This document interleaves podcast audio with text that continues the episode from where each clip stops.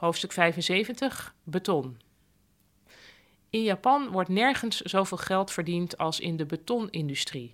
Het betonbudget van Japan is groter dan dat van de Verenigde Staten. En dat zie je. Overal zijn berghellingen bedekt onder een laag beton. Rivierbeddingen, beton. En op de meeste plaatsen voor de kust liggen de zogeheten tetrapods, een soort vierpotige, metershoge objecten die tsunamis zouden moeten tegenhouden. Dat kunnen ze helemaal niet, blijkt keer op keer. De betonnen rivierbeddingen dienen ook nergens voor en de betonnen berghellingen voorkomen geen lawines. Waarom heeft een land dat op papier ontzettend houdt van de natuur toch zo'n vreemde liefde voor beton? Daar is een aantal redenen voor. Ten eerste is er een corrupt systeem waarbij politici die grote bouwprojecten goedkeuren zelf 1 tot 3 procent van de begroting terugkrijgen van het bouwbedrijf. En dat wordt oogluikend toegestaan door de Japanse overheid.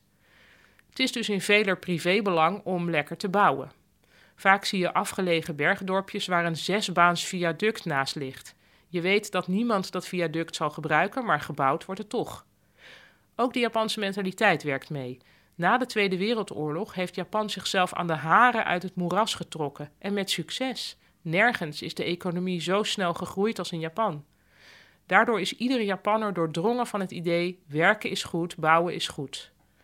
Wanneer je vanuit milieuoogpunt zegt: laat maar even zitten, dat beton in die rivier, dan ben je dus op een bepaalde manier on-Japans bezig. Daarbij komt dat Japanners niet worden opgevoed met het idee dat er heroïek schuilt in het tegenspreken van de regering. Er zijn wel milieuorganisaties, maar die zijn klein en niet erg machtig. Vinden Japanners zelf het beton lelijk?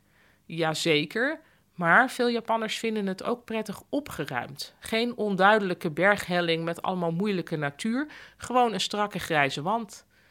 In de verte doet een betonvlakte ook wel denken aan een aangeharkte zentuin vol kiezelsteentjes.